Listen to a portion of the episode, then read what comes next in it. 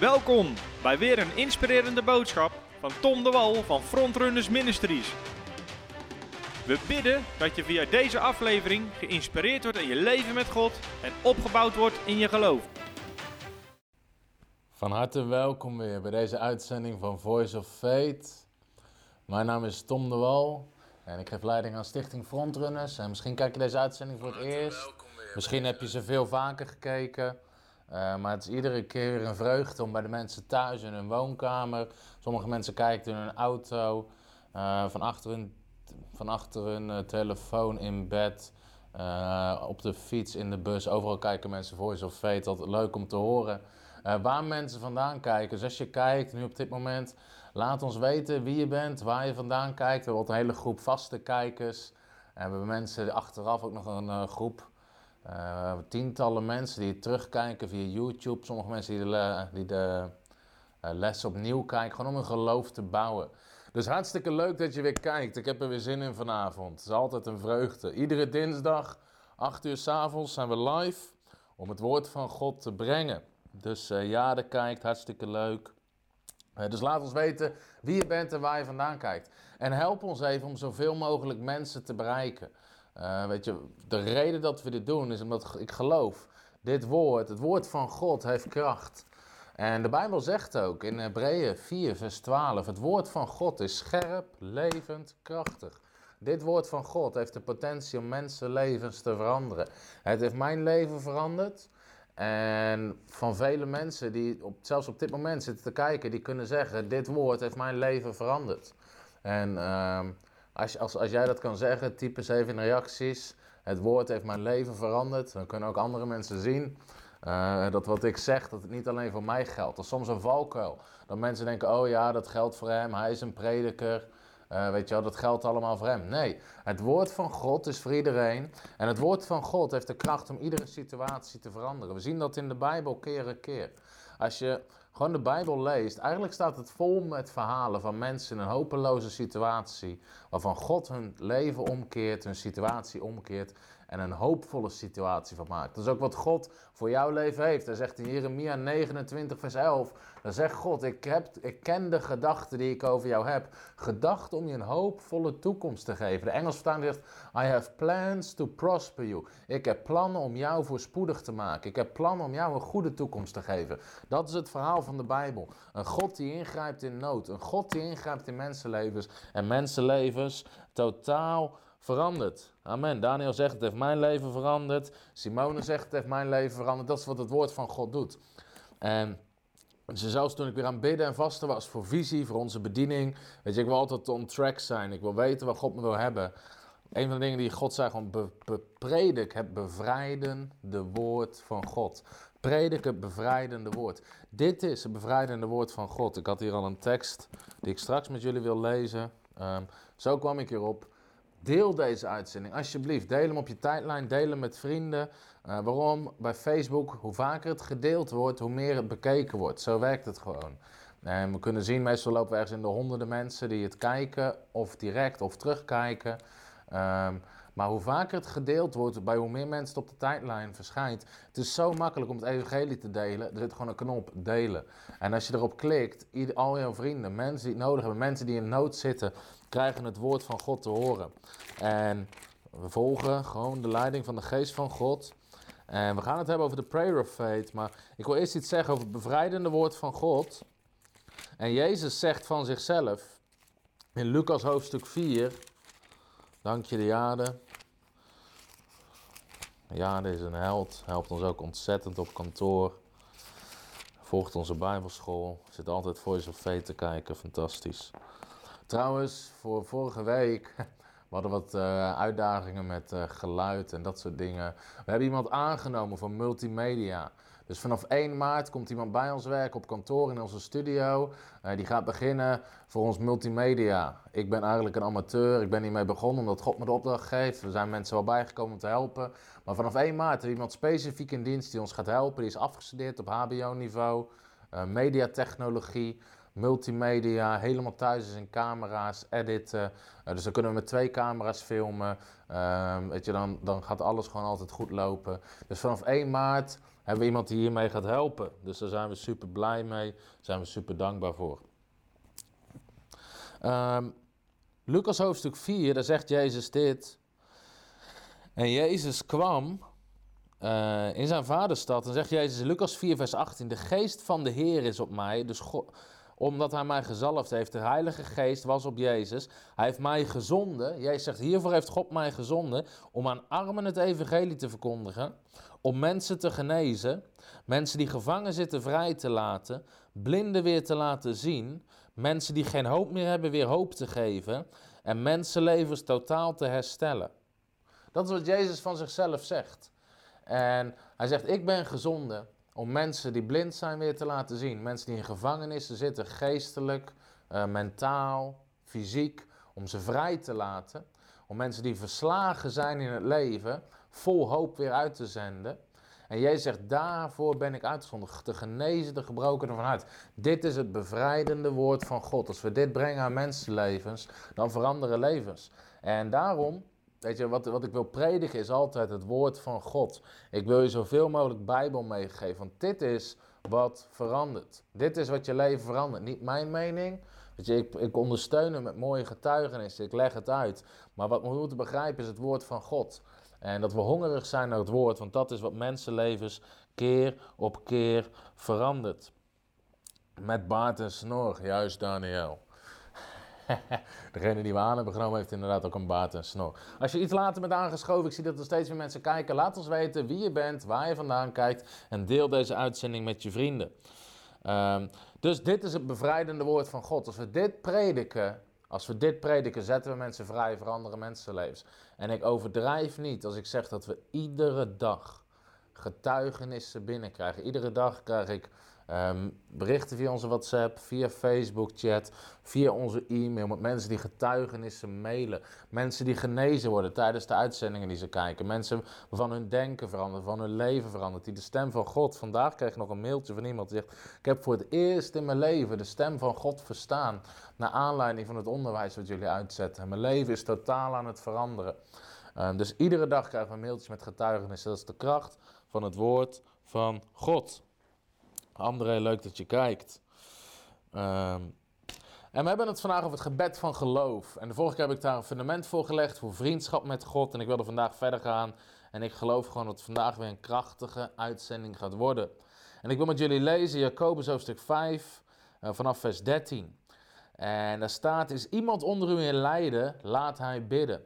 Heeft iemand goede moed, laat hij lof zingen. Is iemand onder u ziek, Laat hij dan de ouderlingen van de gemeente bij zich roepen. Laten die voor hem bidden en met olie zalven in de naam van de Heer. En het gelovige gebed zal de zieke behouden. En de Heere zal hem weer oprichten. En als hij zonde gedaan heeft, zal het hem vergeven worden. Beleid elkaar de overtreding en bid voor elkaar tot u gezond wordt. En dan staat er dit. En het gebed van een rechtvaardige, een krachtig gebed van een rechtvaardige, brengt veel tot stand. Elia was een mens, net zoals wij. Hij deed een vurig gebed dat het niet zou regenen en het regende niet op de aarde. Drie jaar en zes maanden. En hij bad opnieuw en de hemel gaf de regen en de aarde bracht haar vrucht voort. hey, Erna kijkt uit Den Oever, zie ik, oase. Ik ben aanstaande zondagavond ben ik in de oase voor een revivalavond. Geloven dat God de plek zal schudden met zijn kracht van zijn Heilige Geest. Er is iets bijzonders aan de gang in de Noordkop en we geloven God voor opwekking daar. Dus leuk dat je kijkt. Erna, uh, zondagavond, ik zie eruit om daar te bedienen. Dus deze tekst uit Jacobus. En hier hebben we het vorige keer ook over gehad. Is iemand onder u in lijden? Laat hij bidden. Weet je, wat doe je als je uitdagingen hebt in je leven? Wat doe je als problemen op je pad komen? Jacobus zegt, is iemand onder u in lijden? Komen de problemen op je pad? Laat bidden. Begin meteen met bidden. Begin meteen met God zoeken. En de vorige keer hebben we, je kan de les terugkijken, ik ga niet alles herhalen. De vorige keer hebben we gekeken zelfs naar het voorbeeld in het Oude Testament van een koning, waarvan de Bijbel zegt, hij werd ziek, maar ondanks zijn ziekte zocht hij niet de Heer, God, maar hij zocht doktoren. Dus hij ging kijken naar natuurlijke oplossingen en niet naar een bovennatuurlijke oplossing. Terwijl God wil zo betrokken zijn in ons leven. God wil zijn hand van herstel brengen in ons leven. Dus als er lijden is, als er ellende is, als er probleem is, wat doen we? We bidden. We zijn een biddend volk. We zijn biddende. We zijn kinderen van God die bidden en antwoorden ontvangen op hun gebeden. Dus als er iets gebeurt in ons leven, weet je, wat is het eerste wat we doen? Bellen we meteen iemand? Beginnen we meteen te whatsappen, te skypen? Zetten we het op Instagram, op Facebook, op Twitter, op wat hebben we allemaal nog meer? Weet je, heel vaak doen we dat. Weet je, soms zien mensen op Facebook, oh nee, wat me nu is overkomen. En weet je, een heel verhaal wat er allemaal gebeurd is. Terwijl Jacobus zegt, als er iets gebeurt, begin eerst met bidden. Zonder dat je vanuit je vleeselijke reactie begint te spuwen. Doe een geestelijke reactie en begin God te zoeken. Waarom? God is degene die de situatie kan veranderen. Die mensen op je Facebook, die mensen op je Instagram, sorry, ze kunnen je situatie niet veranderen. Als jij een slecht rapport hebt gehad van de dokter, als er iets, als je benadeeld bent, die mensen op Facebook, ze kunnen jouw situatie niet veranderen. God kan jouw situatie veranderen en hij kan iedere situatie omkeren. Dus begin niet te spuwen op Facebook, begin te bidden in geloof tot God dat hij situaties verandert. Dus daar hebben we het over. We hebben het over het gebed van geloof. We hebben het over het gebed wat resultaat boekt. En we hebben gezien hoe belangrijk gebed is. We hebben volgens ook Lucas 6, vers 12 en 13, een tekst die mij enorm raakt. Omdat dit laat zien hoe Jezus, die de Zoon van God was. Weet je, Jezus, Zoon van God. Iedere dag bracht hij door met bidden en God zoeken. Iedere dag. Weet je, dat kunnen we opmaken uit de verhalen. Dat hoe druk hij ook was. Hij zette tijd apart om God te zoeken. Als Jezus dat nodig had, hebben wij dat ook nodig. En Jezus, de staat van Jezus in Lucas 6, vers 12.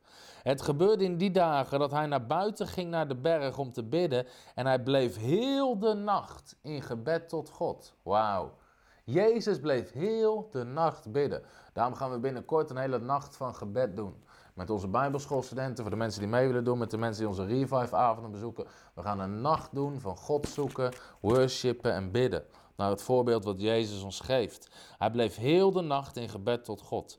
En toen het dag geworden was, riep hij zijn discipelen bij zich en koos er twaalf van hen uit, die hij ook apostelen noemde. Dus Jezus wil een grote keuze maken in zijn leven, namelijk wie die mee gaat nemen met zijn bediening. Welke twaalf, ik doe zo, maar ik bedoel twaalf, welke twaalf die meeneemt. En voordat Jezus een grote keuze maakt, om te kijken wie die betrekt bij zijn leven, brengt hij heel de nacht door in gebed. Bijzondere tekst. Heel de nacht bracht Jezus door met bidden. Hij werd wakker en hij wijst de twaalf aan. Of hij werd wakker, hij kwam weer bij de discipelen na die nacht en hij wijst de twaalf aan. Dus voor belangrijke beslissingen in Jezus leven nam hij soms een hele, een hele nacht van gebed. Nee Daniel, heb je niet gemist. We zetten het ook niet officieel op het rooster. Het wordt niet een uh, verplichte activiteit van de Bijbelschool. Het wordt voor iedereen die zin heeft om mee te doen. Dus Jezus, belangrijke beslissingen, bracht die tijd door in gebed. Weet je, hoe gaan we om met belangrijke beslissingen in ons leven? Partnerkeuze, baankeuze, baanverandering, ehm, keuzes voor je kinderen.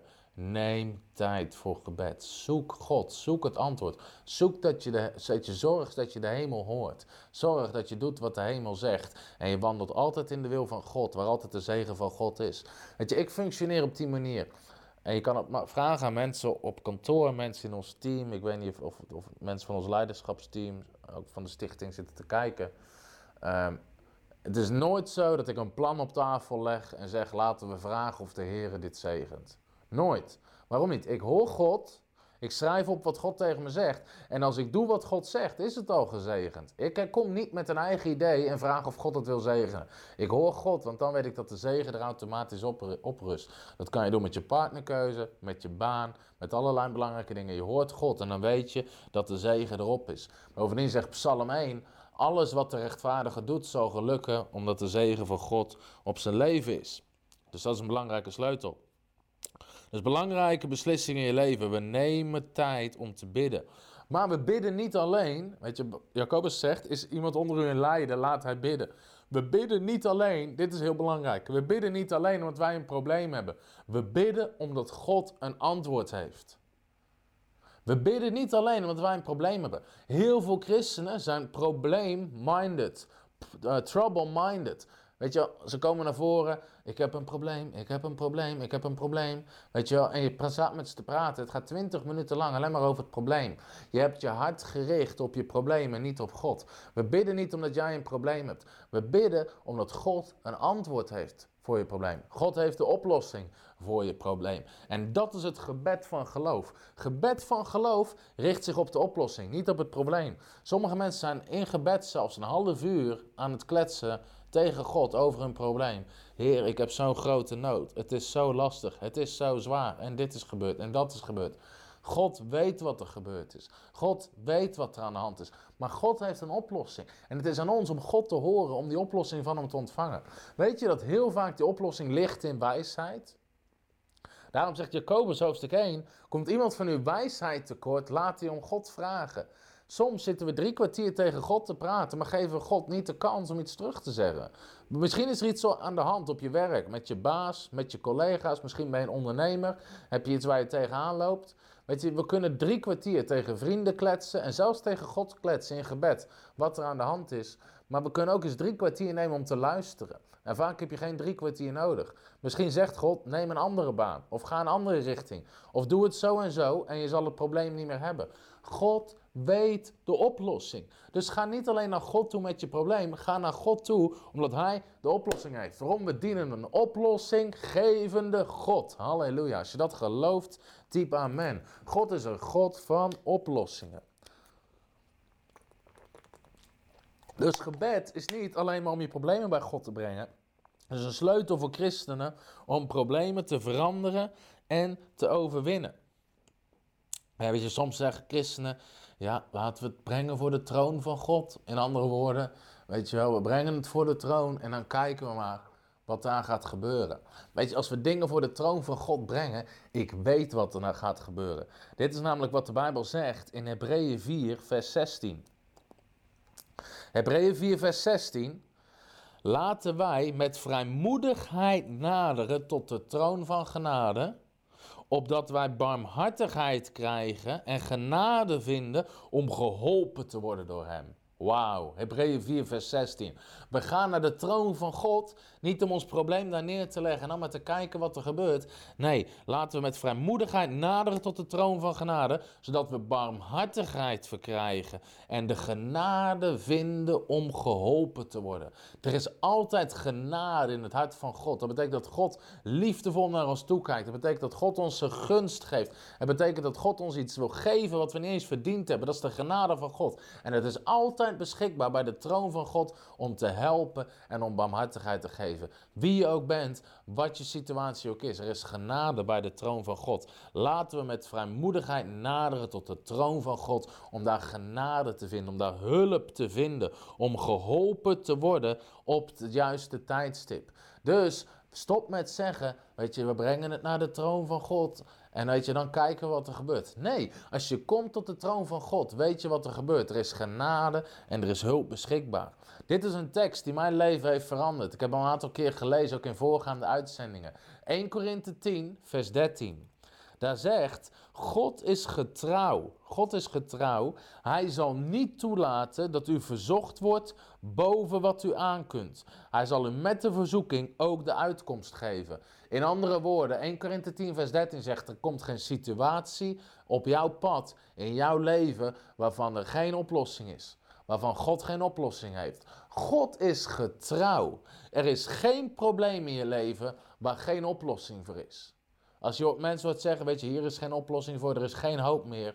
Het is een leugen. Het is een leugen uit de hel. Het is een leugen van de duivel. Waarom? God is geen leugenaar. En God zegt: Ik ben getrouw. Ik laat niet toe dat jij verzocht wordt boven wat je aan kunt. In andere woorden, alles wat in dit leven op je pad komt, er is kracht vanuit God om het te overwinnen en te veranderen in de naam van Jezus. Hallo Marije, leuk dat je kijkt. Als je intuned, laat ons even weten wie je bent en waar je vandaan kijkt. Maar er is kracht van God. Weet je, hoe moeilijk de problemen ook zijn, hoe grote obstakels er ook zijn, er is kracht van God. We moeten beseffen, onze hulp komt van God. Ik weet, ik heb in het verleden, ik doe het nu niet zoveel meer, hoewel ik nog wel veel verzoeken krijg, maar in het verleden, toen ik jeugdleider was en in de leiding zat van de gemeente, uh, nu hebben we een reizende bediening, Um, heb ik vrij veel pastoraat gedaan. En soms hoorde je verhalen die zo shocking waren, die zo heftig waren. Dat ik in gebed zei, weet je wel, Heer, hoe moet ik deze mensen helpen? Maar iedere keer zei God meteen in mijn geest, jij hoeft ze niet te helpen, ik help ze.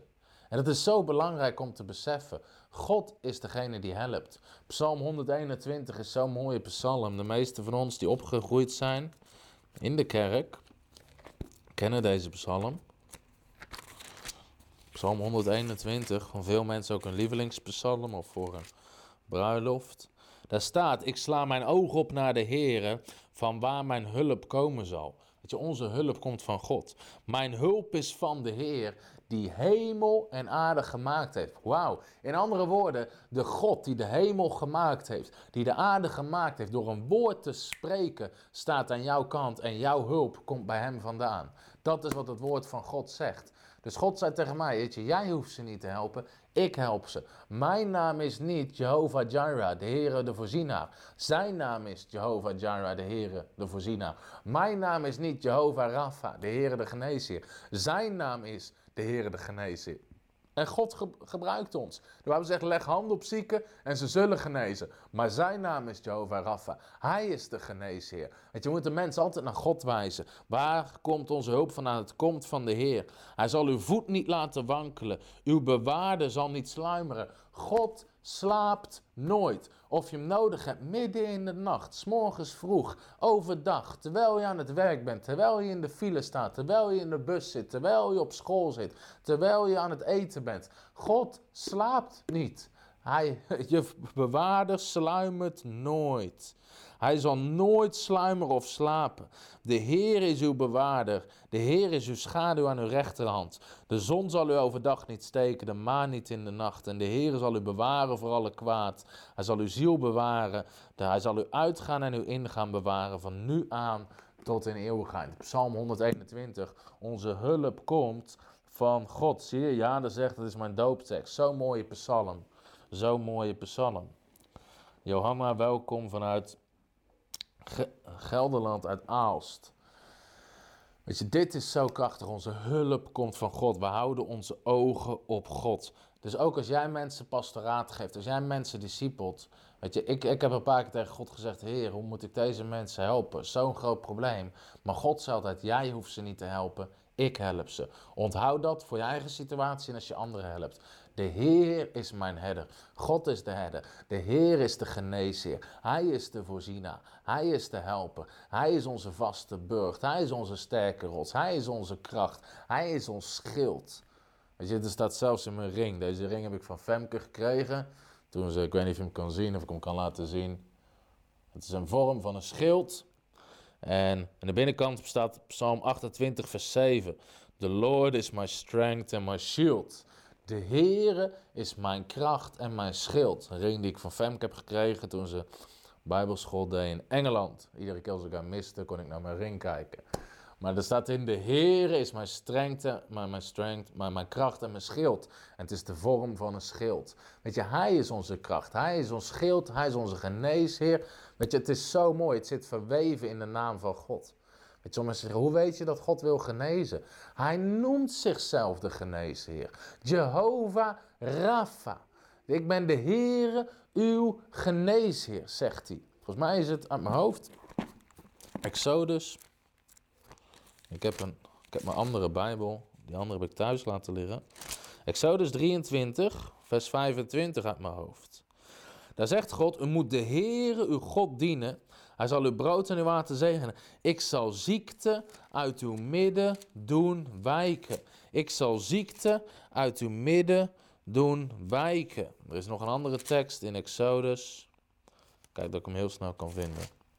Maar de Bijbel zegt, de Heere uw geneesheer. De Heere uw geneesheer.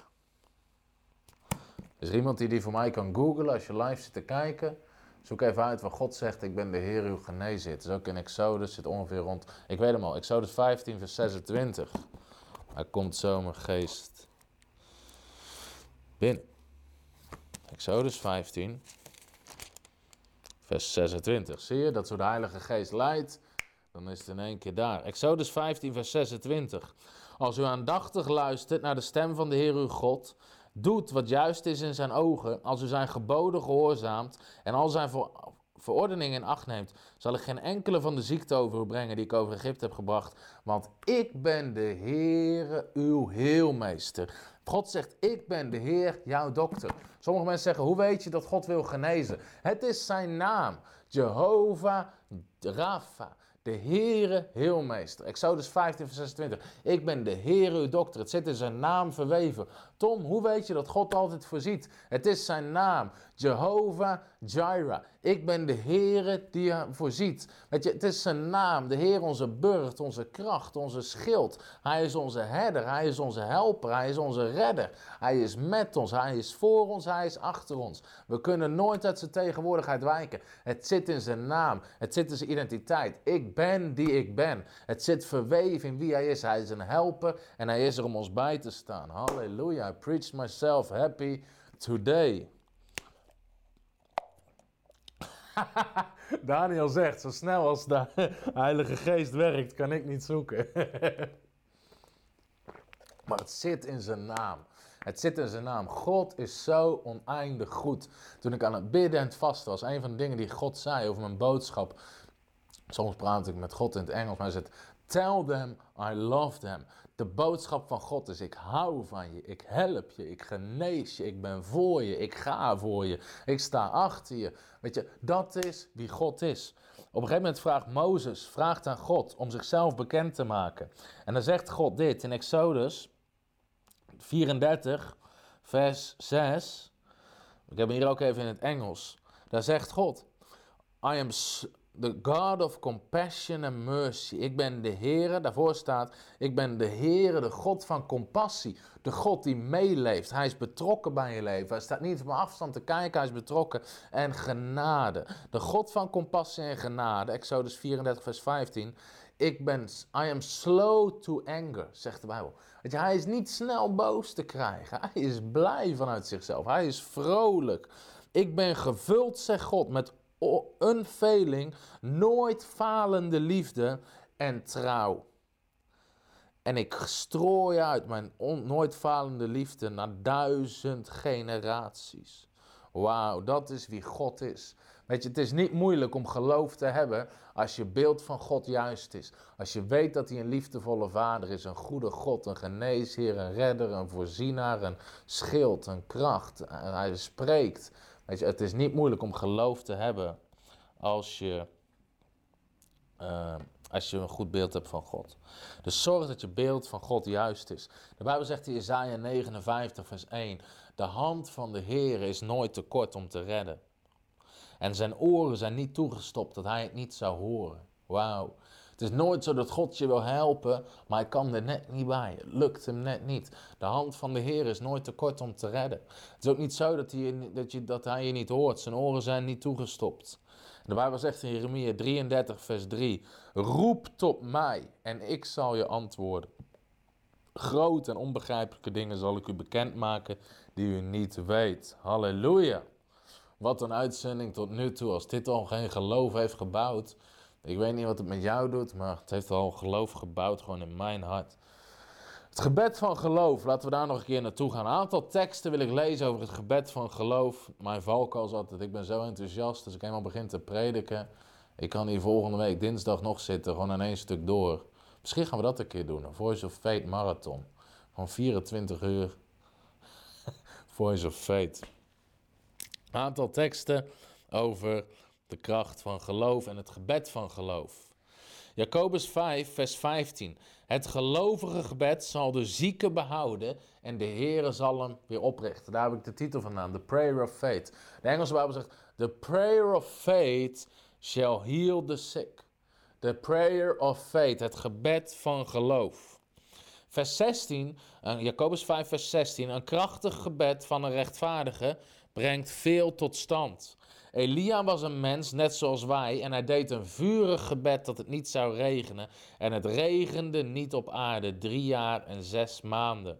En hij bad opnieuw en de hemel gaf de regen en de aarde bracht haar vrucht voort. Wauw. Elia was een mens net zoals wij, zegt Jacobus. Zou je denken, ja, maar hier, Elia was toch een bijzondere profeet van God? Hij was een bijzondere profeet van God.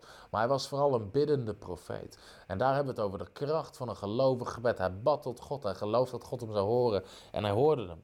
Jacobus 1, vers 6 zegt, als je bidt, bid in geloof en twijfel niet. Want als je twijfelt, lijkt je, op, lijkt je op de golf van een zee die door de wind op en neer geworpen wordt. En zo iemand zal niks ontvangen van God. Nou, dit is krasse taal van Jacobus. Jacobus 1, vers 6 en 7. Als je bidt, bid in geloof. Bid het gebed van de gelovigen. Waarom? Hij, Jacobus zegt, als je het niet doet, lijkt je op de golf in een zee. Weet je op en neer. En misschien doet de Heer het wel. En misschien doet de Heer het ook niet. En misschien doet hij het, halleluja. Oh nee, nee, nee, nee, toch niet. Nee, nee, nee. Ja, hij doet het. Nee, toch niet. Weet je, dat, je lijkt op de golf van een zee. Als je het ene moment je bidt en denkt, ja, Heer, doet het. En je hebt amen gezegd, oh nee, nee, misschien wel niet. Of tijdens je gebed, dat je in je hart nog zit van, ja, gaat God het wel doen? Jacobus zegt, dat is niet de bedoeling, want dan ontvang je niks. God is een geloofsgod. Hij is op zoek naar geloof. Jouw geloof is een antenne waarmee je ontvangt van God. Ik, ik weet, de meeste auto's hebben geen antennes meer. Mijn vorige auto had een antenne, totdat ik hem door de wasstraat heen reed, toen had ik geen antenne meer. Maar uh, vroeger hadden alle auto's een antenne. En op je huis had je een antenne. En op je telefoon, vandaag de dag, je telefoon heeft geen, geen antenne meer. Die zal hier wel ingebouwd zitten. Maar vroeger had je zo'n zo'n stengeltje erop. En dat was je antenne waarmee je kon ontvangen. Jouw geloof is die antenne. Jouw geloof is die antenne die zich uitstrekt naar God en ontvangt van God. En Jacobus zegt, als je geen geloof hebt, maar twijfelt en op en neer gaat, ontvang je niet. Je antenne is niet goed. Dus God is op zoek naar antennes. Geloof antennes. Dat is waar God mee werkt. Marcus 11, vers 24. Dit zegt Jezus. Daarom zeg ik u, alles wat u bidden begeert, geloof dat u het ontvangen zult. En u zult het ontvangen. Alles wat u bidden begeert, geloof dat u het ontvangen zult. En u zult het ontvangen. Dus dit zijn drie of vier teksten. Jacobus 5, vers 15 en 16.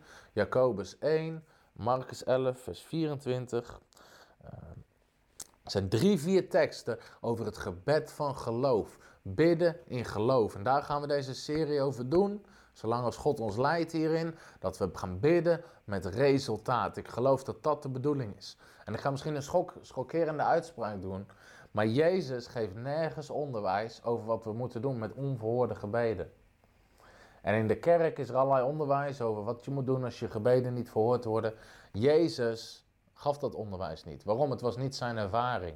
Hij had niet te maken met onverhoorde gebeden. Jezus geeft alleen maar sleutels over hoe we kunnen zorgen dat onze gebeden verhoord worden. En dat is de wil van God, dat onze gebeden verhoord worden. Dat is het gebed van geloof en dat is bidden met resultaat. En waarom? De Bijbel zegt in Hebreeën 11, vers 6: Zonder geloof is het onmogelijk om God te behagen. Dus om God te behagen, om God te plezieren, moeten we geloof hebben, moeten een antenne hebben waarmee we ontvangen. Want wie tot God komt, moet geloven dat Hij is, dat Hij bestaat en dat Hij beloont wie Hem zoeken. Wauw. We gaan niet alleen naar God toe, Heer, ik geloof dat U bestaat. We, weet je, we geloven dat Hij een beloner is voor wie Hem zoeken. Als wij God zoeken, beloont Hij ons altijd voor het feit dat we Hem zoeken. En dat is dus heel erg belangrijk. God is een geloofsgod en als we naar God naderen, moeten we Hem ook gaan geloven en dan gaan we ook ontvangen. Weet je, wat geloof je? Dat God een beloner is. Hebreeën 11, vers 6. Hij is geen berover, hij is een beloner. In andere woorden, hij geeft waarvoor we Hem zoeken. Hij geeft waarvoor we Hem zoeken. Zoeken we God voor genezing? Geeft Hij genezing. Zoeken we Hem voor wijsheid? Geeft Hij wijsheid. Zoeken we Hem voor liefde? geeft hij liefde. Vragen we hem om vrede, geeft hij vrede. Hij is een beloner van wie hem zoeken. Weet je, God is duidelijk. En waarom moet je hier let op zijn? Omdat er een hele hoop religieuze onzin en leugens zijn die heel aangenaam klinken, maar naast de waarheid van het woord van God zitten. En als je die gaat geloven, dan gaat de kracht uit je gebed en uit je geloofsleven. Weet je, laatst, ik las, iemand had dit gedicht weer op Facebook gezet. Ze zeggen wel eens over Facebook. Facebook kan de blinden niet laten zien, de lammen niet laten horen, maar wel de stommen laten spreken. En helaas is dat waar, want iedereen kan van alles zetten op Facebook. Dus het kan de blinden niet laten zien, de lammen niet laten lopen, maar wel de stommen laten spreken. Als je dat grappig vindt, typ haha. Ik vond hem leuk toen ik hem zag. In ieder geval, ik las deze uitspraak op Facebook. En dit is zoiets, weet je, dit krijgt dan honderd aan mensen en mensen delen het. Terwijl het onzin is, het zijn leugens. Ik bad om kracht en u gaf mij zorgen om mij sterk te maken. Ik bad om wijsheid en u gaf mij problemen om ze te leren op te lossen. Ik bad om welvaart, maar u gaf mij verstand en spieren om te werken. Ik bad om moed en u gaf mij gevaren om te overwinnen. Ik bad om gunsten, maar u gaf mij kansen. Ik kreeg niets waarvoor ik bad, maar u gaf me alles waarvoor ik nodig had. En iedereen zegt dan ja, amen, wat mooi.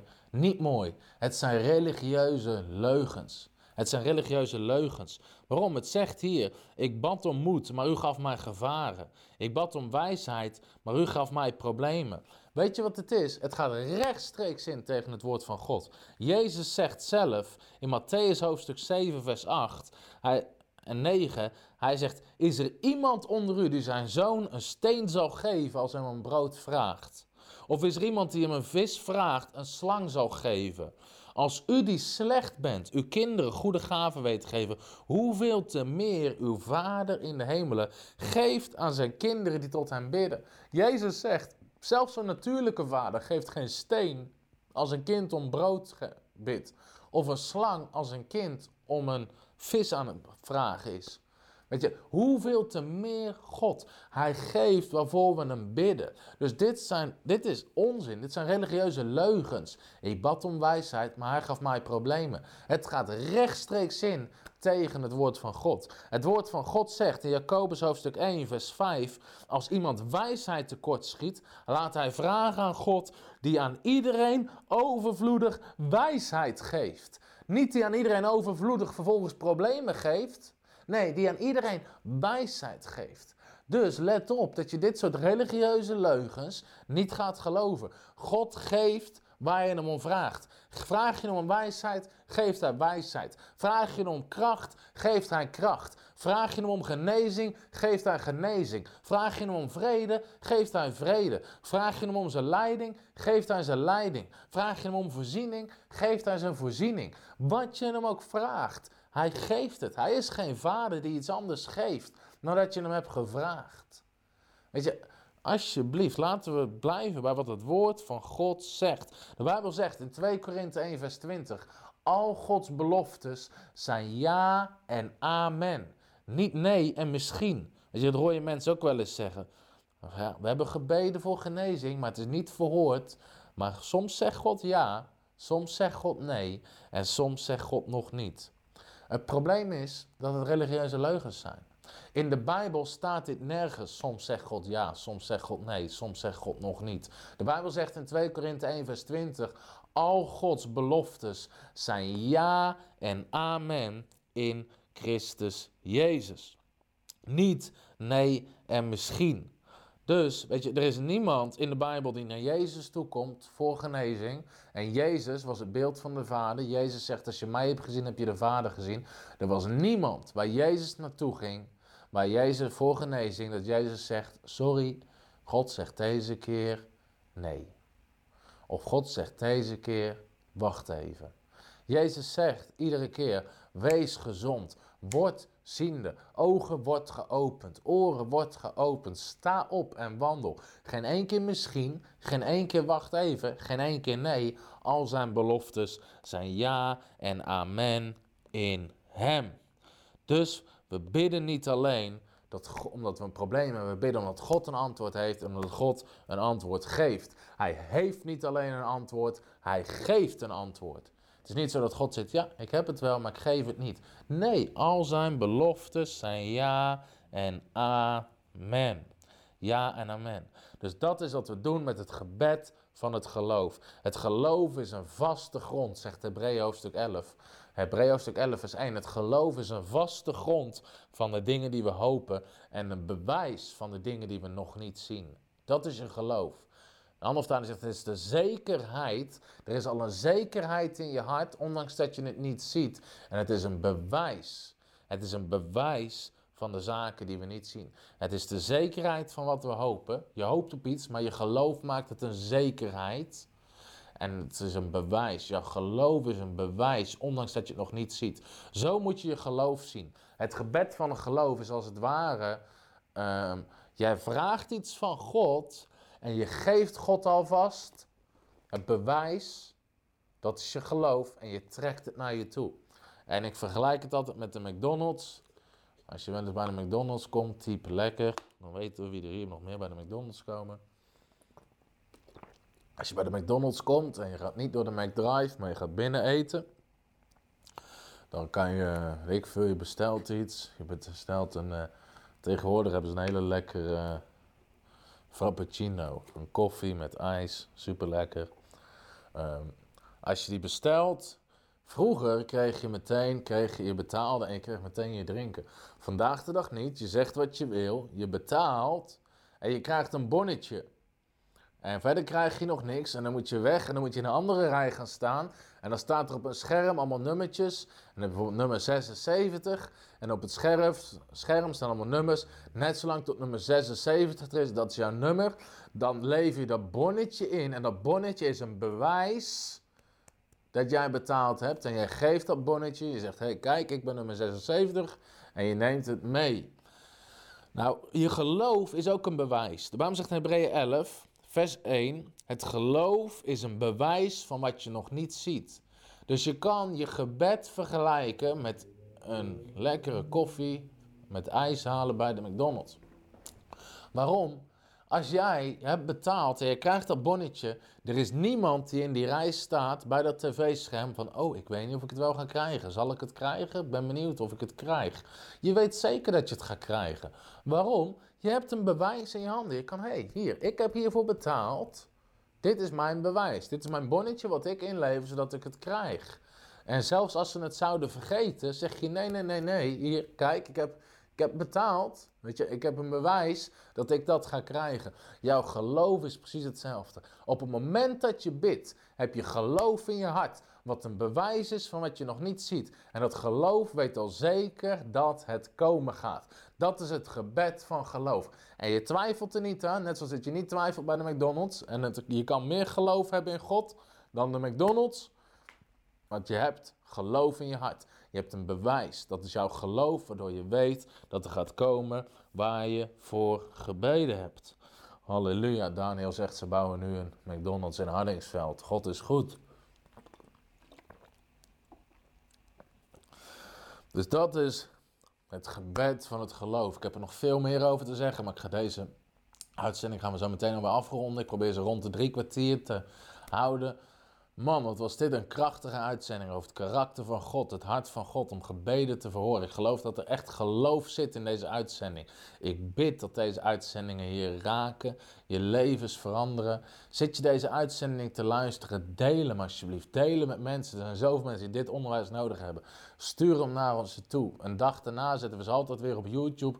Luister ze terug. Bouw je geloof. Stuur het naar anderen toe. Stuur het naar vrienden toe. Stuur het in de familiechat. Zeg, hey, dit moet je horen. Dit is wat God zegt. Laten we gaan bidden. Zelfs in je familie. Zegt, hey, er speelt iets in onze familie. Weet je, kijk, kijk, kijk wat het woord van God zegt. Laten we God zoeken. Laten we God bidden. En geloven dat Hij situatie verandert. En zo zijn we weer terug bij het begin van deze uitzending. We hebben een God die situaties verandert in Jezus' naam. En ik bid, wie je ook bent, waar je ook in zit, dat er geloof zal ontstaan in je hart. Dat je in het gebed van geloof zal bidden. En dat ook jouw leven, jouw situatie, de situatie waar jij in zit, totaal zal veranderen. Of dat door jouw gebeden situaties van anderen totaal gaan veranderen in de naam van de Heer Jezus Christus. En dus dat was deze uitzending van Voice of Faith. Nou, hartstikke leuk dat je weer gekeken hebt. Als je nog vragen hebt, stel ze. Stel ze in de reacties. Laat het ons weten. Ik beantwoord zoveel mogelijk vragen als ik kan. Als je hebt gekeken, je bent gezegend, je wil ons helpen. We staan in geloof voor 250 extra maandelijkse partners. We zijn momenteel grote stappen aan het zetten. We zijn mensen aan het aannemen. We zijn onze bediening aan het uitbouwen. En we zijn op zoek naar mensen die willen samenwerken, die willen partneren met ons. Dus als je zegt, hé, hey, ik wil meehelpen. Klik op de link in de beschrijving of gebruik hashtag een hekje slash donate. En weet je, word partner met onze bediening. Help ons mee om deze boodschap van geloof, deze boodschap van bevrijding, genezing, herstel, naar zoveel mogelijk mensen te brengen. We spreken in ongeveer 200 diensten per jaar. We zenden iedere week, zenden we live uit. We hebben een bijbelschool met 85 mensen, parttime bijbelschool. We hebben een online bijbelschool die honderden mensen volgen. Aantal keer per jaar zitten in het buitenland voor conferenties, voor campagnes.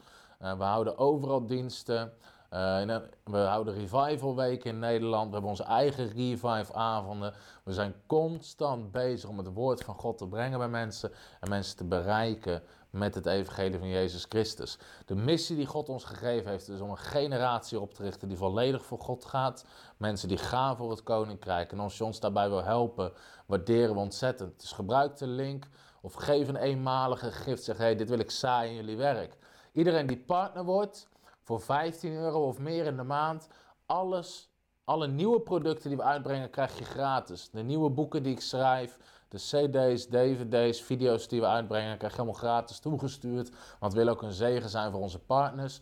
Word je partner in februari, onze februari-actie, voor 35 euro of meer in de maand. Dan geven we je ook alles wat we voorheen hebben uitgegeven. Dus ik heb hier wat dingen liggen. Uh, je krijgt al ons onderwijs over leven in voorziening, de voorziening van God, de sleutels die het woord van God erover geeft. Dit zijn USB-sticks. Uh, in de vorm van een creditcard die je in je computer kan stoppen met, via USB-poort. Met uh, een stuk of 10, 12 uur onderwijs op audio en video sturen we je toe. Een genezingsonderwijs. We hebben een USB-stick met 16 uur onderwijs over genezing. Over hoe je kan wandelen in wonderen en tekenen. Hoe je anderen kan genezen. Wat de Bijbel zegt erover. USB-sticks sturen we je toe. Voor iedereen die partner wordt voor 35 euro of meer in de maand. Uh, dus onderwijs over genezing, voorspoed, revival, opwekking. En mensen die God daarvoor gebruikt in het verleden, wat we daarvoor kunnen leren. Laatst kreeg ik nog een mailtje van iemand waarvan zijn leven totaal veranderd was. Nadat hij deze video's had gekeken. En in één keer ging begrijpen het concept achter opwekking. Want je moet begrijpen op opwekking, we wachten niet op opwekking. Opwekking is hier, de geest is uitgestort, we kunnen erin wandelen. Het enige wat nodig is, is honger naar God en wandelen in zijn kracht. En, en een beweging van God is altijd daar. Dus die sturen we je toe. We sturen je onderwijs toe over geloof, waar ik het vandaag over heb. Uh, heel veel van deze zijn opgenomen op een fulltime bijbelschool, waar ik bijna iedere donderdag les geef. Ik ben ook betrokken bij fulltime bijbelscholen. Ik stuur je mijn cd op over dromen. Hoe iedere gelovige dromen kan dromen die God hem en haar wil geven. De Bijbel zegt in Handelingen 2, de geest van God gaat uitgestort worden en alle gelovigen zullen dromen, dromen en visioenen zien. En heel veel mensen ervaren dat niet, maar in deze cd leg ik uit hoe iedere gelovige dromen kan dromen, visioenen kan zien. Dat was het eerste product dat ik ooit uitbracht. En mijn boek 50 redenen om te spreken in tongentaal. Ik heb een boek geschreven over tongentaal, wat tongentaal is, hoe het werkt, hoe je het door kan geven aan anderen. En 50 redenen om te spreken in tongentaal. Tongentaal zet engelen in beweging, geeft je kracht, geeft je wijsheid. Doet zo ontzettend veel. Zet de gaven van de geest vrij, de gaven van geloof, gaven van genezing. In het boek leg ik het allemaal uit. Als je partner wordt, krijg je alles gratis toegestuurd. Dus willen je vragen om te helpen en willen jou helpen. Willen een zegen zijn voor elkaar. Dus als je dat wilt doen, waarderen we dat enorm. Hallo, Tom de Wol hier en bedankt dat je weer geluisterd hebt naar onze podcast. Ik bid dat het je geloof gebouwd heeft en je bemoedigd bent. Als je niet alleen een luisteraar van onze boodschap wil zijn, maar ook een verspreider daarvan, wil ik je uitnodigen om partner te worden van Frontrunners. Door jouw maandelijkse donatie help je ons om dit evangelie van Jezus Christus en het woord van God over heel de aarde te brengen. Om partner te worden ga naar www.frontrunnersministries.nl slash partners en word partner. Hartelijk bedankt en tot snel. Heb je ook zo genoten van deze inspirerende boodschap van Tom de Wal? Abonneer je dan op deze podcast. Volg ons op Facebook en op Instagram en kijk op onze website frontrunnersministries.nl.